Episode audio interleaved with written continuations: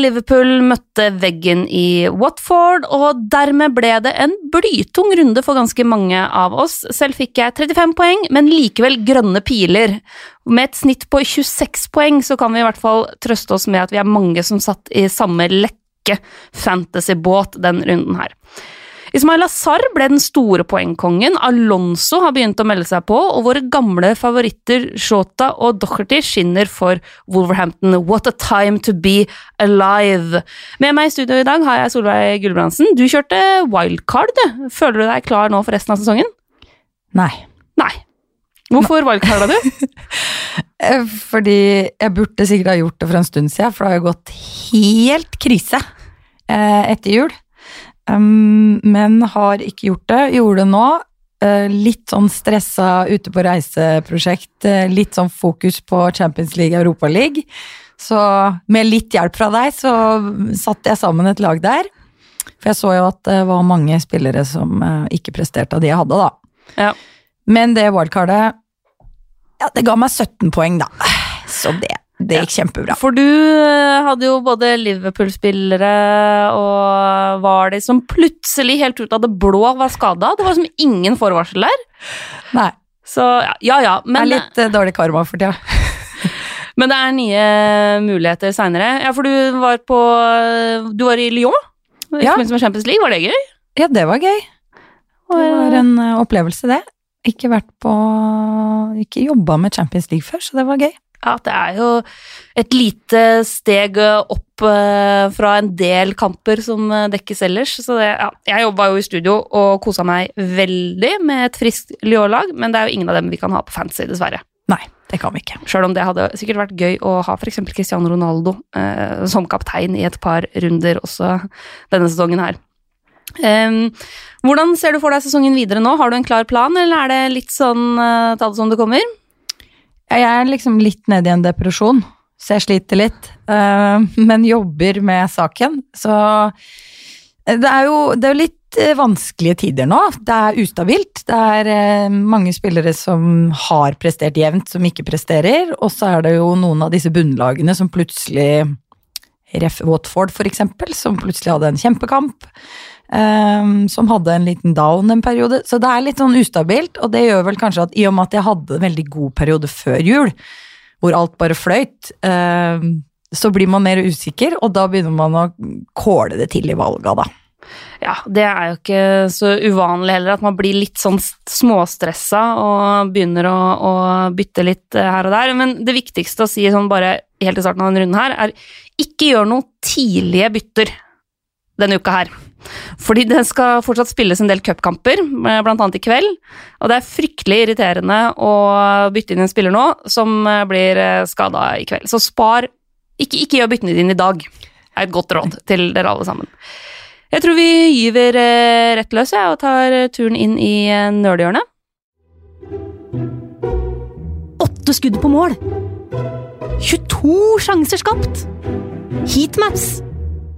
10 000 touch innafor 16! Minas nerdehjørne.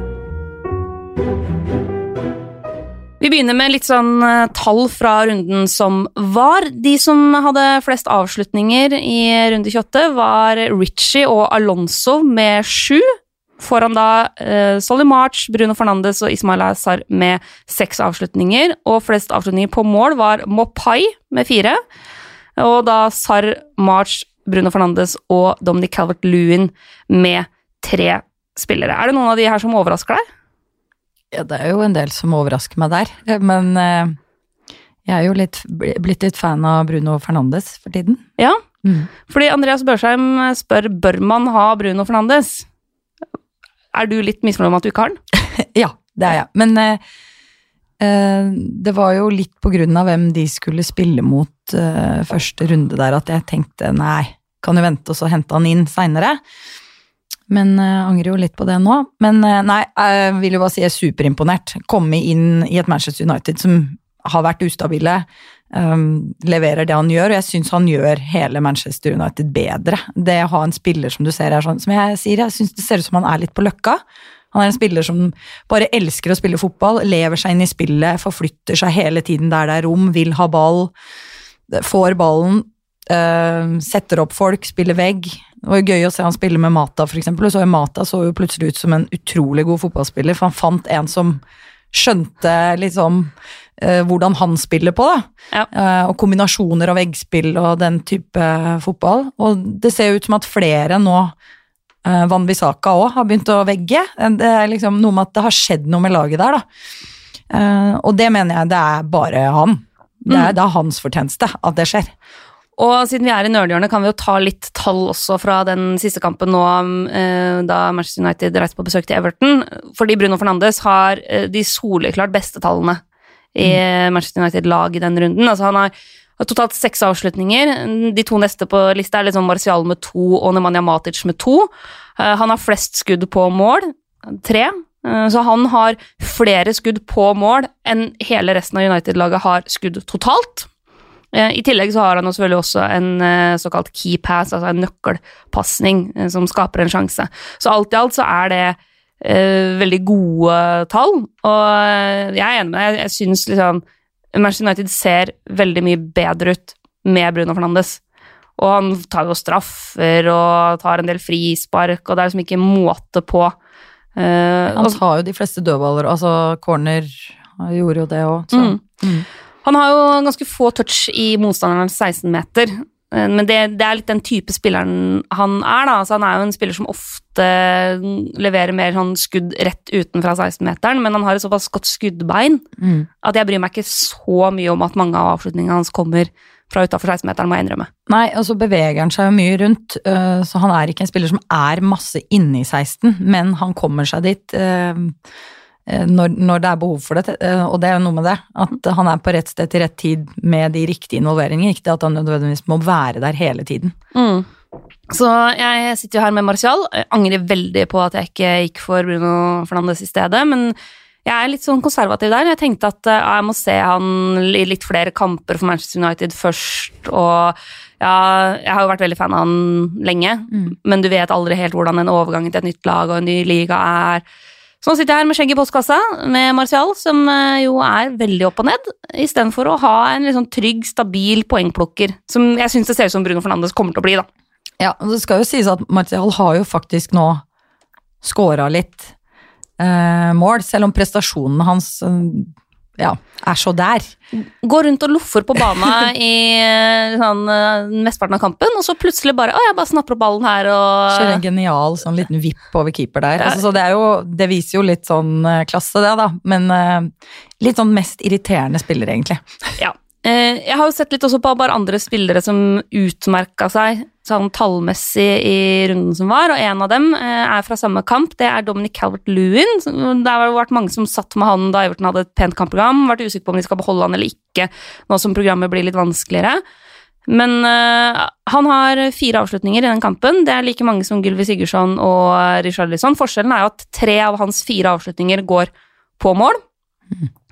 Men for eksempel ingen av Richarlison sine gjør det. Og så har han jo altså har han en nøkkelpasning, han, han er litt med i det, måte, den fasen nå. Og så er han jo litt heldig med skåringa si, eh, må det være lov å si. Det, det er David Echea som bare forærer han ballen. Men det er likevel godt satt, da. Eh, Altså sånn, Ja, ja. og det er godt pressa og alt det der. Men eh, jeg syns at Dominic Albert-Lewin fortsatt ser ut som en spiller det er verdt å beholde. Eh, nå skal han møte Chelsea. Eh, de leverer litt ymse defensivt, Mm. så ja, ikke noe Jeg, tror han blir på laget mitt ei runde til. Ja. Så lurer bl.a. blant annet Marius Dahl Gunnarsrud spør er det rett inn med Alonso. Eh, og så svarer da Andreas Børsheim eh, at usikker kan hende han blir hvilt i helga siden de møter Liverpool i morgen. Og han har forholdt rett der at eh, Alonso spilte 90 minutter mot Liverpool. Men altså, de tallene Alonso leverte i forrige runde, er liksom eh, Altså, de er rett og slett ganske spinnville. Ja, det er mot Bournemouth, men likevel Altså, han har sju avslutninger. Nestemann eh, er liksom eh, Barkley, Giroud og Mount med tre. To av dem går på mål, så sju avslutninger, to på mål. Og så har han to blokkerte avslutninger. Fire nøkkelpasninger, og da to skåringer. Fra en forsvarsspiller. ja. Ja, selv om det er mot et eh, lag som sliter, så er det jo veldig, veldig bra tall, som back. Og hvis du ser på, når jeg sitter og ser på, på heatmappa heatmappet hans, da, eh, nå snur jeg sånn at Solveig så kan få se det, så er han jo forholdsvis mye eh, inni motstanderens 16-meter, faktisk ekstremt mye der, og er også generelt ganske mye høyt i, eh, i bana. Så Alonso, altså. Det, han har jo vært en sånn fancy favoritt tidligere. eh, Litt, sånn, litt for usikker i lag og sånn denne sesongen her til at man tør å satse på han. Men ah, jeg er litt frista. Ja, for nå tenker jeg jo ja, det kan hende at han øh, blir hvilt, da. Det er jo en mulighet, selvfølgelig. Men du ser jo hvor Han har jo hatt en impact nå. Mm. med et lag som Chelsea, som har slitt litt med å score mål, da. Så, så er det jo litt vanskelig å benke ham for mye. Ja, fordi han har jo vært ute av laget ganske lenge, og så kommer han inn og får sjansen igjen, og leverer i to kamper på rad. Han skåra jo også mot, uh, mot Tottenham, så han har jo tre mål på de to kampene han nå har fått lov til å spille. Så jeg kommer jo ikke til å prioritere å ta han inn denne runden her, men, uh, og han er høyt på radaren min, i hvert fall. Ja. Så får vi se Hva ligger han på i pris? Skal vi se her det, det, Han er på seks blank. Ja. Så hvis man f.eks. begynner å tenke at det var da fryktelig mye penger jeg hadde investert i dette Liverpool-forsvaret mitt, når det ikke holder null lenger, Holder jo ikke nullen akkurat nå. så er det jo en, en mulighet der, da. Eh, det var det vi skulle ha i nerdehjørnet denne runden, men det kommer litt mer nerding i neste spalte også. Eh, vi skal gå inn i den berømte båten vår, og der er det breaking news. Har du sett det kampprogrammet, eller? Sitt stille i båten nå. Men Han er jo i superform. Sitt stille i båten. Jeg kan bare ta minus fire. Sitt stille i båten. Yes. For i går kveld, Solveig, så kom nyheten mange av oss har venta på, og det er at vi får plutselig en dobbeltrunde, en double game week, allerede nå i runde 29. Ja. Og det er fordi Manchester City og Arsenal møtes på onsdag. Den kampen har liksom endelig fått et eh, tidspunkt. Så City har da Manchester United og Arsenal denne runden her, mens Arsenal har Westham og City. Mm. Hva har du av City-Arsenal-spillere i laget ditt nå? Nei, nå er det jo veldig dårlig. Eh, jeg har jo kjørt jo wildcard og bytta jo ut og satt litt inn eh, Liverpool-spillere isteden. Mm -hmm. så jeg har jo De Brønne. Ja. That's it. Ja, det, det har jeg også, og det tenker jeg at eh, jeg er veldig fornøyd med at jeg beholdt han. Det var Ja. veldig mange som solgte han Mm. fordi eh, de ikke hadde kamp. Men eh, Kevin nå er en kjempespiller å ha, og så har jeg også da Saka, som har liksom kommet inn en gang i høst for å ha en billig midtbanespiller. Nå spiller han jo ikke midtbane engang, men han har jo liksom levert eh, relativt bra med målpoeng, så selv om han ikke får clean sheets-poeng, så er jeg for så vidt fornøyd med det. Ehm, og så må jeg også ta litt sånn kjapt at det ble jo spilt en del kamper i FA-cupen i går, som gjør at vi vet litt mer om runde 31, som krasjer med kvartfinalen i FA-cupen. Liverpool tapte for Chelsea. Det betyr at Liverpool og Crystal Palace blir spilt i runde 31. Så Liverpool blir et av lagene som har kamp i runde 31. Eh, og så spilles det jo en, et par kamper i kveld også, så da veit vi liksom mer etter at de er ferdig. De kampene som utgår i runde 31, er Southampton mot Arsenal, Chelsea mot Manchester City, Newcastle mot Aston Villa, Manchester United mot Sheffield United. Så ingen av de lagene har kamper i runde 31. Hmm. Kamper som kanskje utgår, er Leicester mot Brighton, hvis Leicester slår Birmingham i kveld. Og det er det jo greie sjanser for, på en måte. Og så er det da enten Tottenham mot Westham eller Norwich mot Everton, fordi Tottenham og Norwich møtes i kveld. Eh, og så veit vi allerede at Wolverhampton spiller mot Bournemouth, og Burnley spiller mot Watford. Så vi får minimum fire kamper i den runden. Kan også få en Leicester-kamp hvis de- driter seg ut mot Birmingham. Så det er mye liksom hvis og matte frem til fall, alt mulig sånn, så det er derfor jeg sier ikke gjør bytter nå. Men vi får, vi får nesten starte med den runden vi veit at kommer, da, altså runden nå eh, til helga, hvor City og Arsenal har doble kamper. Eh, Mats Espeseth uh, skriver dobbel game week for City og Arsenal. Tips til forsvarsrekka. Er det noen forsvarsspillere på City eller Arsenal vi tenker at det er verdt å, å satse på denne runden her? Og det første jeg tenker er nei. no, no. Uh, Men nå har jeg ikke sett på statistikken på det, for jeg har jo ikke da lett på de spillerne, forsvarsspillere i Arsenal og Manchester Nei, det, det har liksom ikke vært så aktuelt. Nei, det har ikke det. Det er ikke stabilt nok i det hele tatt. Uh, men uh, Nei. Og så møtes jo de Altså, det er jo stor sjanse for skåringer. Det er jo ikke typisk sånn clean sheet-kamp. Eh, Altså, hadde ikke Laporte blitt skada Ja. i Champions League, så hadde jeg kanskje tenkt at ok, men det er verdt å gå for City-forsvaret likevel. Eh, nå er jeg litt mer usikker, så jeg er enig med deg. Altså, jeg, de fleste av oss har jo ett, maks to bytter mm. nå, og med mindre man skal sånn, kaste wildcardet sitt denne runden her, så blir man da nødt til å ta hits hvis man skal drive og få inn mye forsvarsspillere. Men den jeg, den jeg kanskje ville vurdert, er Kyle Walker. Mm. Han er kanskje den eneste av forsvarsspillerne jeg tenker at det er aktuelle, fordi han leverer jo av og til målpoeng, ikke kjempeofte, men av og til. Og så er han ganske sikker på spilletid. Ja, og Arsenal-stoppere er jo ikke noe sånn helt trygt. Nei, og hvis Saka spiller, så er det jo som back, liksom, men han står jo ikke oppført som forsvarsspiller, så Nei. du får jo ikke eventuelle clean sheets-poeng. Du får slipper å få minuspoeng hvis han eh, slipper inn mål, slipper inn altfor mye mål, da. Ja. Det er jo en fordel, en fordel. Men, eh, men i utgangspunktet så altså, Men for å bruke penger nå på å kjøpe han inn, er jo litt sånn Ja, og når, når det gjelder Arsenal-forsvar, så tenker jeg litt sånn Ok, eh, i utgangspunktet så har Arsenal eh, Westham den helga her. Det var på en måte det vi visste fra før av. Når de nå får en ekstrakamp, og det er mot Manchester City mm. Hvis du ikke allerede hadde lyst til å få inn Arsenal-forsvarsspillere fordi de skulle møte Westham, så tenker jeg at det at de skal møte City, gir jo ikke noe ekstra grunn til å ta inn Arsenal-forsvarere.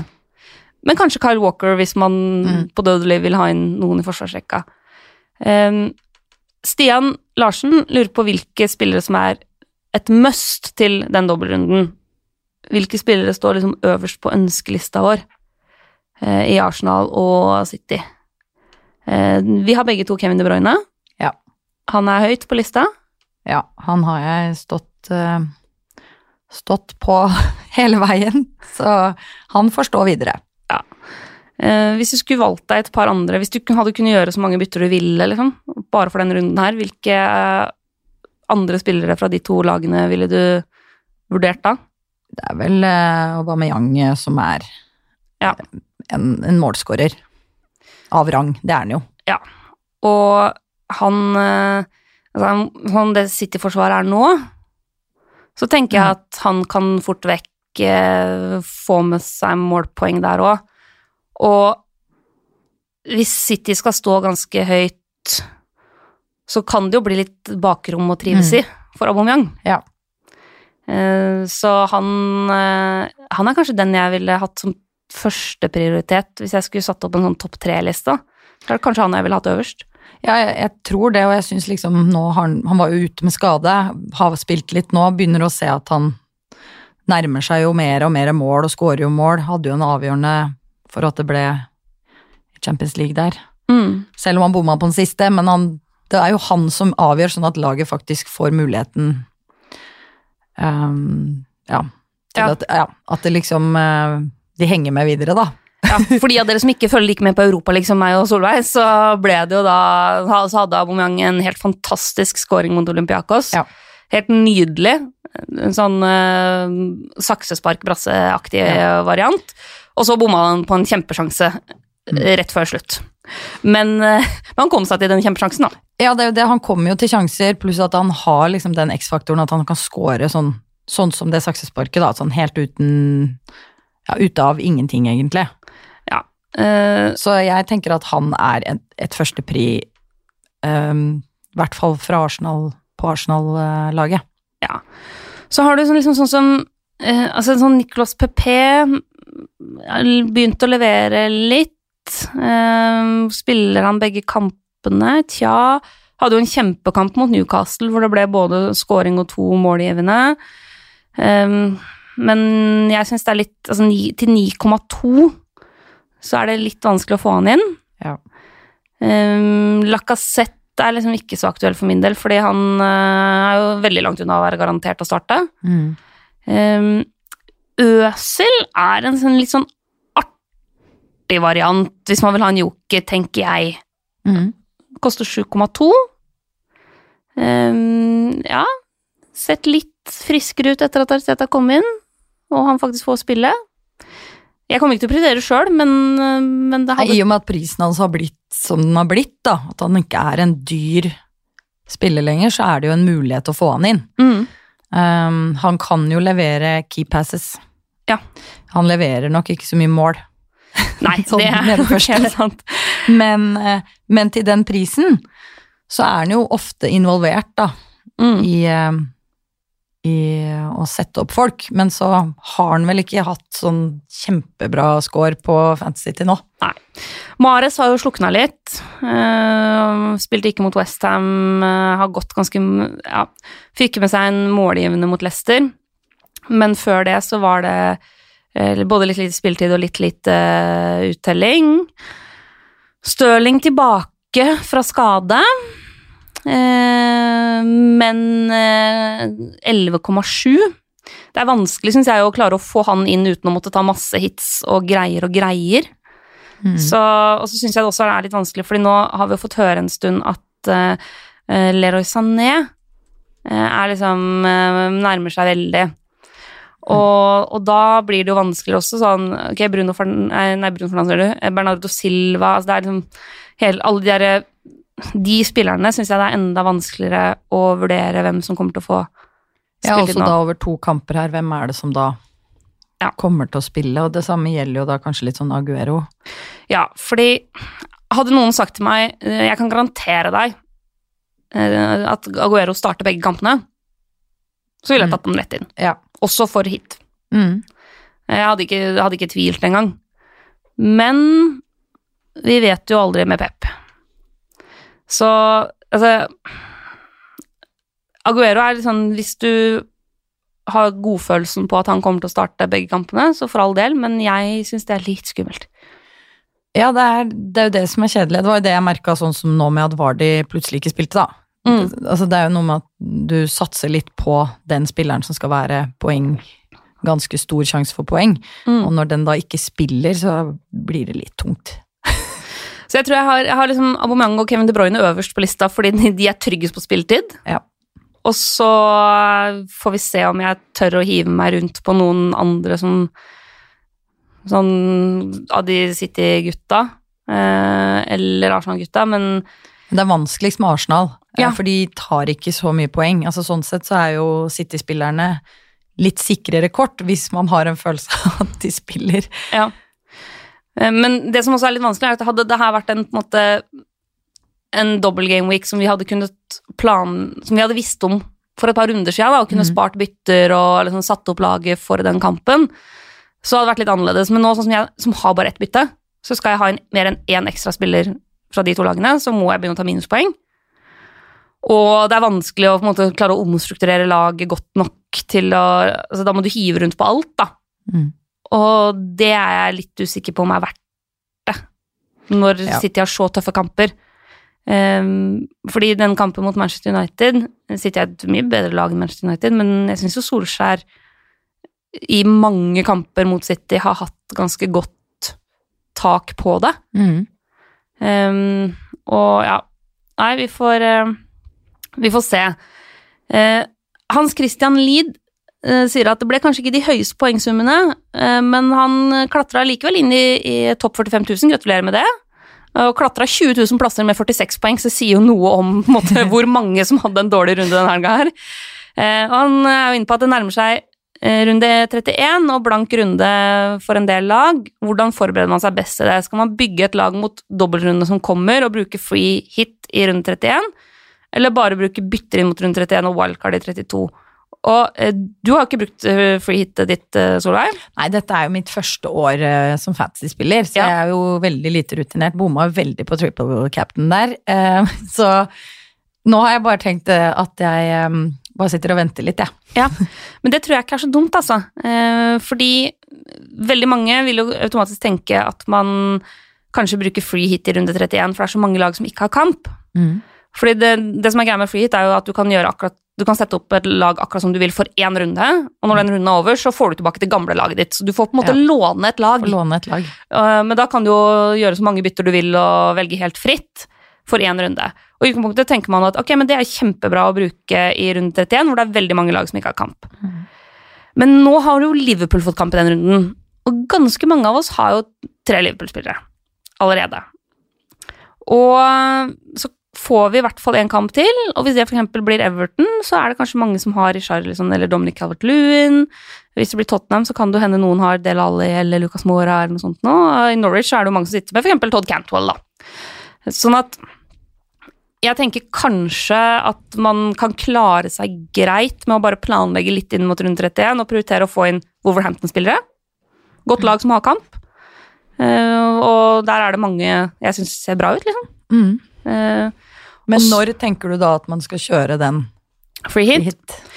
Hvilke alternativer har man? Jeg leker nå med to ulike varianter. Fordi det vi vet framover nå, er at rundt 31 blir mange lag som har blank kamp. Eh, runde 34 blir sannsynligvis ganske rar. For der kan du få noen For det, det krasjer med semifinalen i cupen. Mm. Så da kan du få noen lag som har blank runde. Men noen lag kan få dobbel runde i den uh, uka der, fordi man flytter noen av de andre utsatte kampene til midtuka. Ja. Så du kan sitte med at noen lag har blanke, blanke kamper, noen lag har dobbeltkamper, og noen lag har helt vanlig runde. Ja. Så da, den kan jo bli litt vanskelig å manøvrere. Mm. Og da tenker jeg at kanskje free hit i den runden kan være bra. Litt avhengig av hvordan den blir sendt ut. Mm.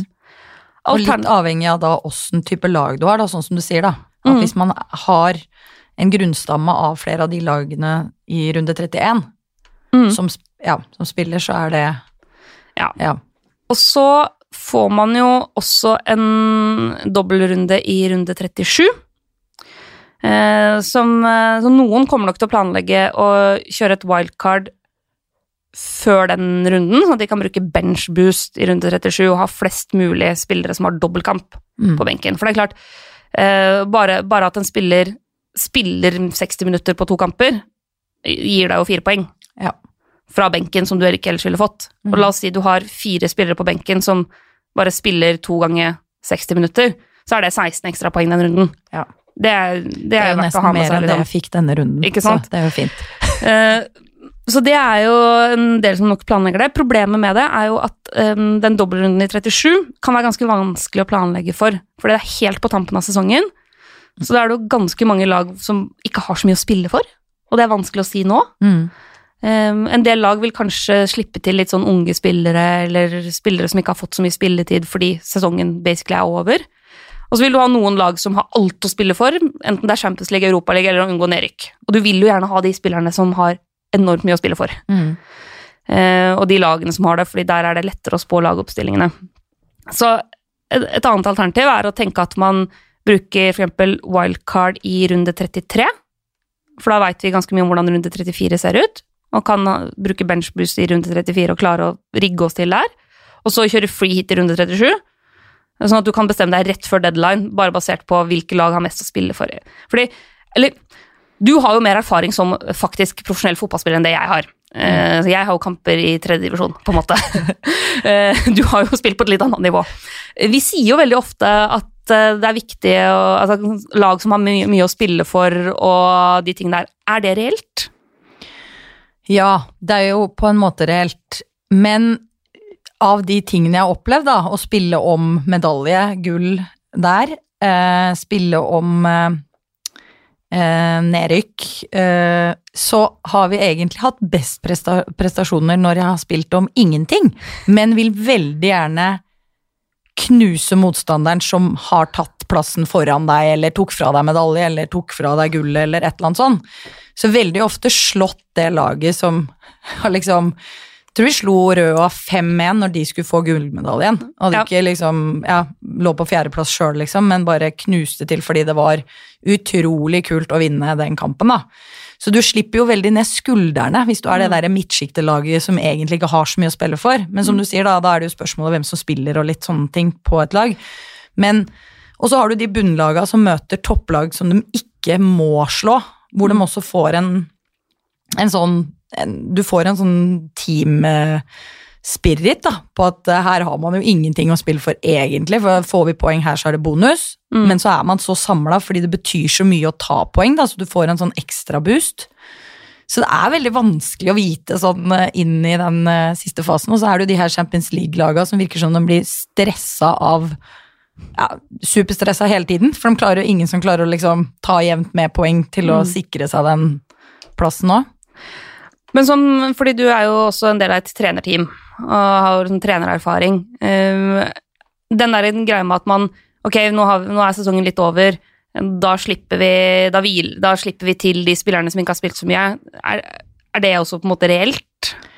Ja, det vil jeg tenke er litt reelt. For hvis du har spillere som du tenker at unge spillere som du tenker neste år skal disse få en sjanse, og så har du spillere som er litt eldre som er utgående kontrakter og sånn, Mm. så ville jeg helt klart gitt uh, sjansen da til yngre spillere. Mm. Latt dem få spilletid og erfaring. Så det tenker jeg er reelt. Mm. Uh, så da må man jo begynne å tenke litt og se litt på hvilke spillere er det som er på utgående kontrakter og sånn, i hvert fall. da. Ja, Av de man tenker som er poeng, eh, sånn faste poengsankere, men som uh, Men det er jo, det er jo ikke bare bare det, Du setter jo ikke hvem som helst på benk heller. Du har jo ofte en stamme, og for at de unge spillerne skal få en god opplevelse, så har du jo fortsatt stammen din. Du bytter jo ikke ut hele laget. Nei, sant. Så ja. Men de tinga her er grunnen til at jeg lurer litt på om, eh, om free hit i runde 37 Mm. kan være en god idé. Eh, for da, okay, da får du ikke brukt benchboost i en stor dobbeltrunde, men du kan i hvert fall få plukka ut elleve spillere som du føler deg rimelig trygg på at spiller. Mm. Eh, la oss si at eh, Watford fortsatt er i nedrykksstriden. Mm. Ja, det er mye tyder jo på det. Ja. Troy Dini kommer da til å spille, på en måte, Ja, hvis han er skadefri. Han er noen eksempel på, og han er kaptein og, og har et veldig nært forhold til Watford. Så hvis, hvis det er sånn at de kan redde plassen i en, i en sånn runde Nå husker ikke jeg om de har dobbel... Ja, eller vi vet jo ikke så mye om dobbeltrundene der eh, og sånn enda. Nei, nei, hvis han har en mulighet til å ha dobbeltrunde, eksempel, da. Eh, eller sånn som eh, Sheffield United, da, som har en del kamper som kommer til å måtte eh, puttes andre steder. De kan potensielt få liksom, tre ekstra doble runder. Eh, sånn Dean Henderson, som spiller for en sjanse både i Kanskje er en joker inn i EM-troppen, og eh, jo er på lån i Sheffield United og har som ambisjoner å, skulle bli vurdert som førstekeeper i Manchester United. Eh, og et Sheffield United-lag som for eksempel fortsatt kan eh, jage en plass i Europa. Mm. Eller for den saks skyld de her stopperne, eller forsvarsspillerne deres som eh, har liksom vært med hele veien og ja. Så, så jeg vurderer det. Eh, men jeg bruker i hvert fall ikke wild, eh, free hit den runden her. Jeg syns det er en litt for Ja, det er to gode lag som har dobbeltrunde, men fordi de møter hverandre, Ja. og fordi City har Manchester United i den andre kampen, og det er Derby, og jeg, det er sånn, jeg føler meg ikke trygg på at eh, det er verdt å bruke det free hit denne Mm. runden her, altså. Nei. Så det blir nok enten i runde 34 eller i runde 37 for min del. Blei det, ble, ble det litt klarere? Ja, jeg skal i hvert fall ikke bruke den nå. Nei. um, Nikolai Brochhaug Gabrielsen eh, lurer på Jimenez, eller Jimenez versus Diego Jota. De to Wolves-gutta. Wolves ser bra ut. Ja, de leverer jevnt, i hvert fall. Mm. Jevnt hele veien. Og de er sånn lag som kan slå hvem som helst. Mm. Eh, og de har kamper runde 31. Så de er liksom høyt på ønskelista mi på å få inn nå. Hvem av de eh, gutta syns du har sett liksom friskest ut eh, i det siste? Ja, nå er ikke jeg så god på de der spanske uttalelsene dine, da. Men eh, er det Jota du kaller den? Nei, Jota. Av vet du. Å ja, portugiser han, ja. Eh, og han eh, har jo levert bra nå, syns Mm. jeg. Men han har jo ikke vært like jevn, altså stabil, som Jimenez. Mm. Eh, men der så vi jo litt på pris òg. Det er Mm. forskjell på pris på de. Eh, så det er jo også noe som kan avgjøre hvem du på en måte tenker Jimenez er jo en som Han scorer jo jevnt og trutt. Mm. Um, men, men Men det er jo litt sånn ja, Jeg er litt sånn usikker òg. Jeg har jo henta han inn sjøl, da, mener jeg. Mm. Ja, så han er jo kanskje, hvis man skal tenke det tryggeste valget Han er, mm. en, han er veldig trygg på spilletid. Ja. Det, det er på en måte altså, Men nå fikk jo de en skade på en offensiv spiller. Ja, så har, jo, har det jo vært litt sånn Traoré vært litt uh, av og på der. Uh, så vi får se litt hvordan det blir. Men jeg tror, det er, jeg tror jo at det er veldig gode sjanser for at eh, begge de to starter kampene framover. Eh, hvis vi ser tallene fra, fra helga, da, så er de ganske jevne. Eh, Jota har fire skudd, Jimenez har fem skudd. Begge har én avslutning på mål. Begge har én nøkkelpasning. De leverer forholdsvis jevnt sånn tallmessig. På de siste fem kampene så er altså Shota er litt mer eksplosiv. Eh, Men han har jo spilt færre minutter enn Jimenez har gjort. Eh, Jimenez har flest avslutninger, og flest avslutninger i boks, men Shota har flest på mål. Mm. Så de, de er jo liksom Det er litt vanskelig å avgjøre mellom dem, men prismessig så altså, Shota koster fortsatt bare 6,3, mens Jimenez koster 8 blank. Og det er nesten to millioner, altså. Ja. Så det blir litt Ja, så Det kommer litt an på hva du ønsker, da, sammensetninga. Hvis du Mm. har ingen av de, så gir, bør man jo kanskje ha en av de. mm. Og da er det litt eh, valget da, på hvem andre du har, og hvor mye penger du har å, å Ja. gå på. Men jeg tror begge kan være veldig gode alternativer framover. Og så er det også litt sånn eh, Hvis du har en trygg plassering, altså du er fornøyd med omtrent der du ligger nå, både i, min, i ligaene dine og generelt, så er jo Jimenez en mye større eierandel. Han eier da 30% Så det er jo det er ganske mange som på en måte kan gå forbi deg hvis han har gode kamper og du ikke har den. Men hvis du eh, er der at du jager litt bak, så er kanskje Shota et bedre alternativ, for han har 6,6% eierandel. Så hvis han først leverer, så kan du liksom sprette oppover da, og Ja. ta inn en del forsprang på de som eh, ikke har han. Ja, Så jeg burde egentlig bytte. Eh, Mikkel Ekeland Paulsen lurer på hvilke duo, eller hvilke tospann vi ville valgt. Ducoré og Aubameyang, eller Bruno Fernandes og Troy Dini. Den sistnevnte komboen, altså Fernandes og Troy Dini, er litt billigere. Jeg eh, ja. ja, nå er det jo, vet vi jo at eh, de har jo dobbeltrunde, så hvis det er snakk om nå, Ja, så er jo Aubameyang eh, eh, kanskje det man ville valgt. ja. Jeg er litt enig der. Hvis vi skal tenke på den runden her, Ja, som jo er sånn- naturlig å gjøre, ja. så er det liksom Aubameyang inn. Men hvis vi hadde sett vekk fra den dobbeltrunden, så syns jeg den der Bruno Fernandes-Troy Dini-komboen er både Ja. kulere Ja, det er det. og liksom, jo, men, eh, og billigere og Ja. ja. Eh, Ja, for jeg er enig i det. Jeg tror jeg ville gått for det valget hvis jeg skulle velge uten å tenke eh, på neste runde, da. Ja. At den er dobbel. Eh, Hein Råum Andreassen eh, er på jakt etter en erstatter for Jamie Warley, og det har jeg jo full forståelse for. Han sitter fortsatt på laget mitt, og jeg blir jo aldri kvitt den. Nei. Hvem, hvem ville du tatt inn for uh, Aubameyang? Nei, for Vardy, mener jeg. Nå avslørte jeg allerede hvem jeg ville tatt inn. Ja, det var det. Det er vel det jeg Ja. ville Hvis man har litt penger har i banken. Så for meg er det et naturlig bytte nå. Eh, hvis eh, du ikke har penger til å kunne gå for Aubameyang, for han er litt dyrere, så eh, ville jeg nok eh, gått for en av Wolverhampton-gutta. Mm. for å spare penger. Alternativt, hvis eh, Hvis vi nå i kveld får bekrefta at Everton har kamprunde 31 Altså, Dominic Havert-Lewin Ja, er i form, da. det er også en mulighet, ja. Og er jo Koster 6,4, Ja, så han ja det er um, kanskje noe av det bedre, det. Skåring, skåring i tre kamper på rad. Skåring i eh, fem av de siste seks kampene. Eh, tallene er jo ganske klare. og nå er han ferdig med to av de her kjipe kampene, eller tunge kampene sine, altså Arsenal og Manchester United. Skåra i begge to. Mm. har Chelsea og Liverpool. Eh, Chelsea er jo ikke så rød for en spiss. Liverpool, hvis de finner tilbake til den der solide forsvarsgreia si, litt verre. Men hvis de får kamp rundt 31, så får de jo Norwich. Ja. Og ja, så det er et alternativ der. Så er det veldig mange som spør hva som skjer med Liverpool. Og det er jo et godt spørsmål. Um, Godt spørsmål. kampen nå mot Watford. Salah har to skudd, null skudd på mål. Mani har null avslutninger. Ja. Det, vi må jo gi litt kred til Watford for fantastisk eh, struktur og plan og forsvarsspill, Ja. um, sånn sett. Um, men det er jo noe med det at når du mister den derre At du veit du du vinner, du veit du scorer. Mm. Når den bobla sprekker litt, og det kommer inn en sånn liten usikkerhet, Mm. den eh, har jeg kjent på. Ja.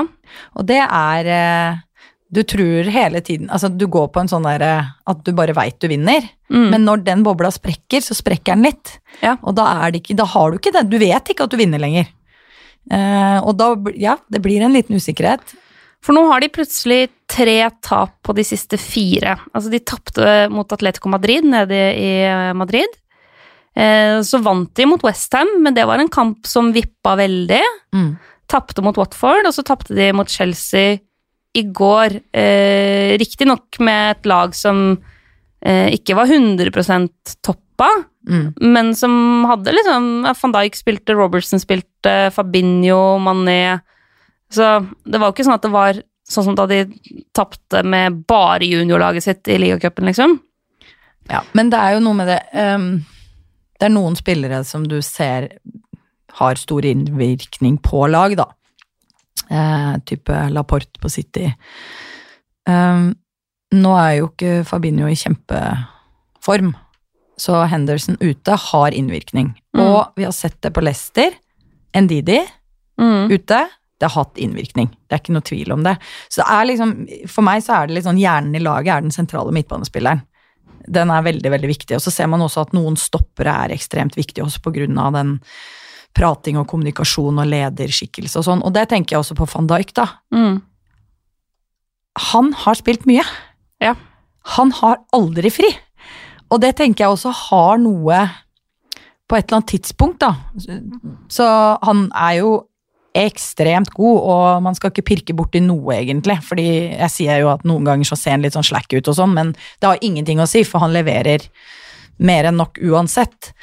Men jeg tenker det er jo det er slitsomt å Mm. spille så mye hele tiden, eh, og måtte levere kontinuerlig. Så både Henderson ute, van Dijk kontinuerlig må spille alt, um, er jo en, ja, en innvirkning på Liverpool som lag, da, tenker jeg. Men nå den siste matchen, som jeg sier, at der er det jo en del nøkkelspillere ute, som Firmino og Mm. ja, som, som vil gjøre de bedre, at kanskje noen av de fikk pause, da. Ja. Uh, men jeg synes ja, det er litt sånn ja, det, det skurrer litt nå. Uh, samtidig så eh, har Liverpool et av de beste kampprogrammene i de framover. Fordi Christian Gille lurer på hvilke lag har best kampprogram de neste fem rundene. Og altså jeg, jeg rangerer nok Wolverhampton øverst, fordi de har Brighton, Westham, Bournemouth, Aston Villa, Arsenal. Mm. Som er en ganske pen rekke. Men Liverpool har Bournemouth, Everton, Crystal Palace, Manchester City og Aston Villa. Eh, og nå som de har fått bekrefta kamprunde 31, så er jo Liverpool et av de Altså, jeg selger jo ikke Liverpool-spillerne mine nå, da. Nei. Det gjør jeg jo ikke. Problemet mitt er at jeg har flest forsvarsspillere, da. Ja. Så det at de driver og slipper inn så mye mål, gjør jo gjør det litt sånn slitsomt.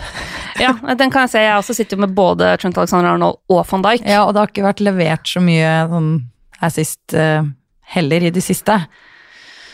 Så det er litt um, Akkurat det sliter jeg litt med. At uh, jeg har forsvarsspillerne. Å stå med en Sala, stå med en Mané, det kunne jeg fint stått med videre, for de kan Mm. De kommer til å levere skåringer. Det vil være veldig rart i løpet av en periode at de ikke skårer i det hele tatt. Mm. Men forsvarsspillerne er jo litt Det er litt tyngre. Ja. Så er et av de neste lagene på lista over de som har best kampprogram, er jo Leicester. De har Aston Villa og så Watford. Og så har de kanskje kamp mot Brighton, men kanskje ikke kamp, så da må man følge med om de slår Birmingham eller ikke. Og så har de Everton og Crystal Palace. Eh, Newcastle har Southampton og Sheffield United, så har de ikke kamper rundt 31, og så har de Bournemouth. Men det er veldig få Newcastle-spillere jeg er interessert i å ha på laget. Ja. Men det er jo derfor jeg også har stått litt med Leicester-spillerne. Ja. Eh, Jeg bytta ut Madison, men har stått med Barnes nå. Ja. Og har stått med Vardy. Fordi jeg tenkte Ja, så ble han jo skada. Mm. Helt ut av det blå. Eh, Men derfor sto jeg med de av kampprogrammet deres så såpass bra ut. Mm. Men nå må jo Vardy mest sannsynlig ut, i og med at man ikke vet Ja, og, men sånn som Harvey Barnes da tror jeg fortsatt kan være et bra valg. Det er jo han og Jose Perez som har flest avslutninger i kampen eh, mot eh, Norwich. De har eh, fire hver og én på mål, og så leverer de eh, Altså Harvey Barnes leverer fire nøkkelpasninger i tillegg. Altså like mange som Madison, men Madison har null avslutninger. Ja. Så, så liksom de tallene til Harvey Barnes fra den kampen mot Norwich, sjøl om det ikke blir noe målpoeng, eh, er veldig gode til den prisen, altså. Ja. Så med det det- kampprogrammet, de to neste kampene, eh, så er det jo det ikke Ja, noen grunn til å selge kommer han. jeg ikke til å bytte ut nå, Nei. til den prisen. Og som du sier, kampprogram. Men eh, jeg har Grealish fortsatt, eller? Det er jo litt uh, mer eh, Ja. bare på grunn av at man er fan. ja, for han er veldig din type spiller. Ja, han òg er det, så det er jo kanskje jeg skal gi Bruno Fernandes inn der isteden. Ja. er jo kanskje et spørsmål. Fordi litt større sjanse for å levere mer akkurat nå. Det var det vi rakk i båten i dag, men da skal vi gå over til duellen.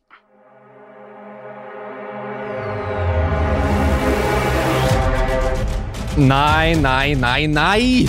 Nå er du helt på bærtur! Det er jeg helt uenig i! Mener du det? Duellen. Dette her blir jo en litt sånn uh, duell som leder opp til uh, å ta en kapteinsprat på slutten, fordi jeg syns at det naturlige nå var å ta en duell mellom Aubameyang og Aguero. Jeg tror det er veldig mange som er litt sånn som meg, da, som har Jamie Vardy. Uh, jeg har penger til å kunne ta inn, bare bytte han til Aubameyang uten noe mer føss. Ferdig snakka. Hvis jeg skal ha en Aguero, så må jeg ta minus fire. For han er litt dyrere. Mm. Men jeg tror det er ganske mange som vurderer både Aubameyang og Aguero nå som de har fått en dobbeltrunde. Ja. Eh, du har ingen av dem? Jeg har ingen av de, nei. Nei. Eh, så hvis vi ser på, på måte Aubameyang og Aguero så langt den sesongen her da, i Premier League, så har eh, Aubameyang starta 25 kamper. Aguero har starta 16. Aubameyang har spilt drøyt 2200 minutter med Premier League-fotball. Aguero har spilt drøyt 1300 minutter. Aubameyang har 17 mål, Aguero har 16. Aubameyang har 64 avslutninger, Aguero har 72. De har like mange skudd på mål, 27 hver.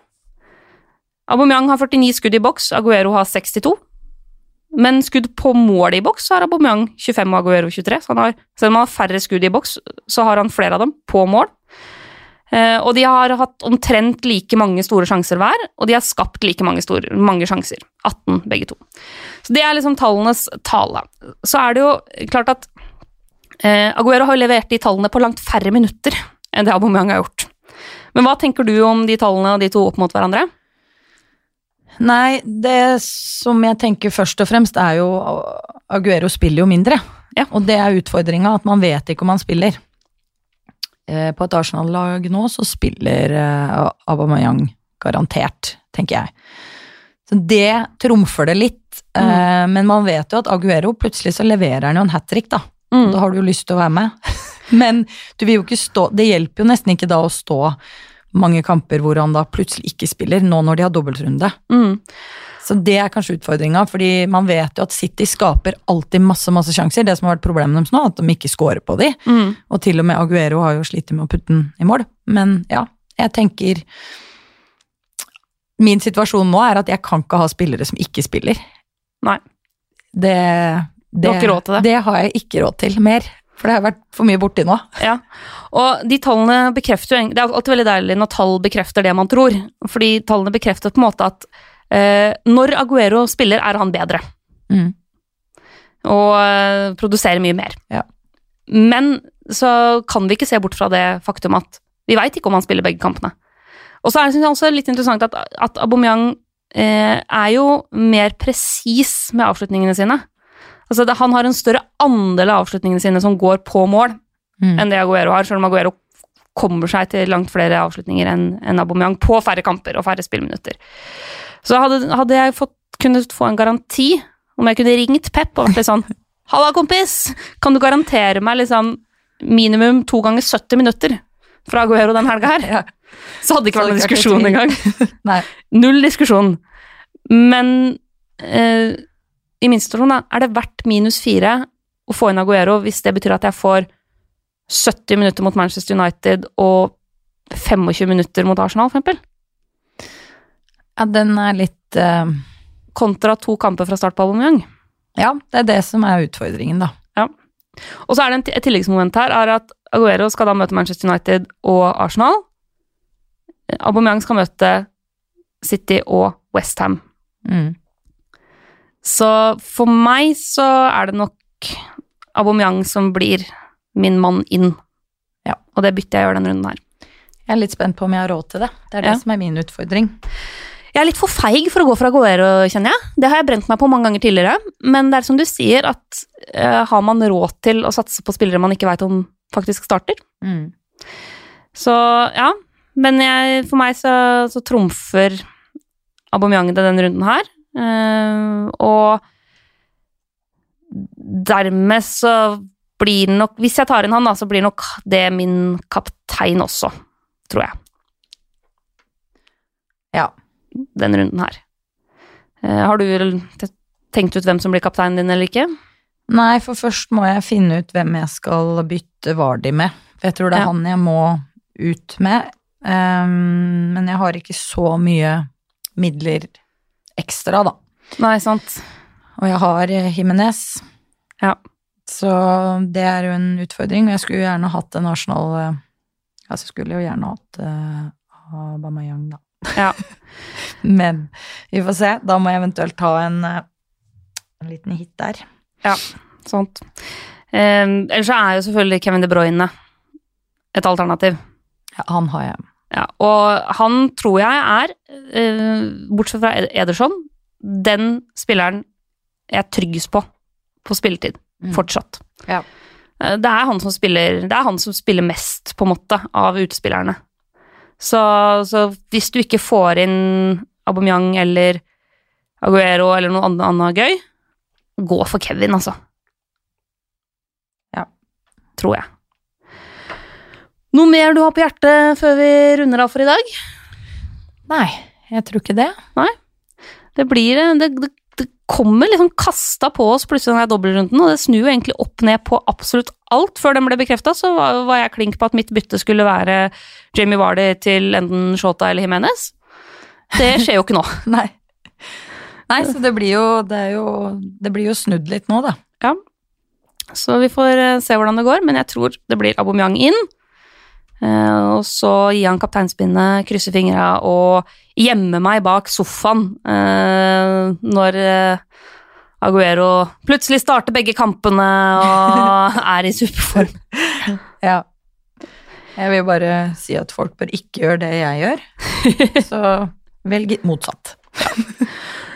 Det var det vi rakk i dag. Eh, følg oss på Instagram og eh, Facebook-gruppa vår for siste nytt inn mot runden på fredag. Og så er vi tilbake med podkast neste uke. Ha det bra!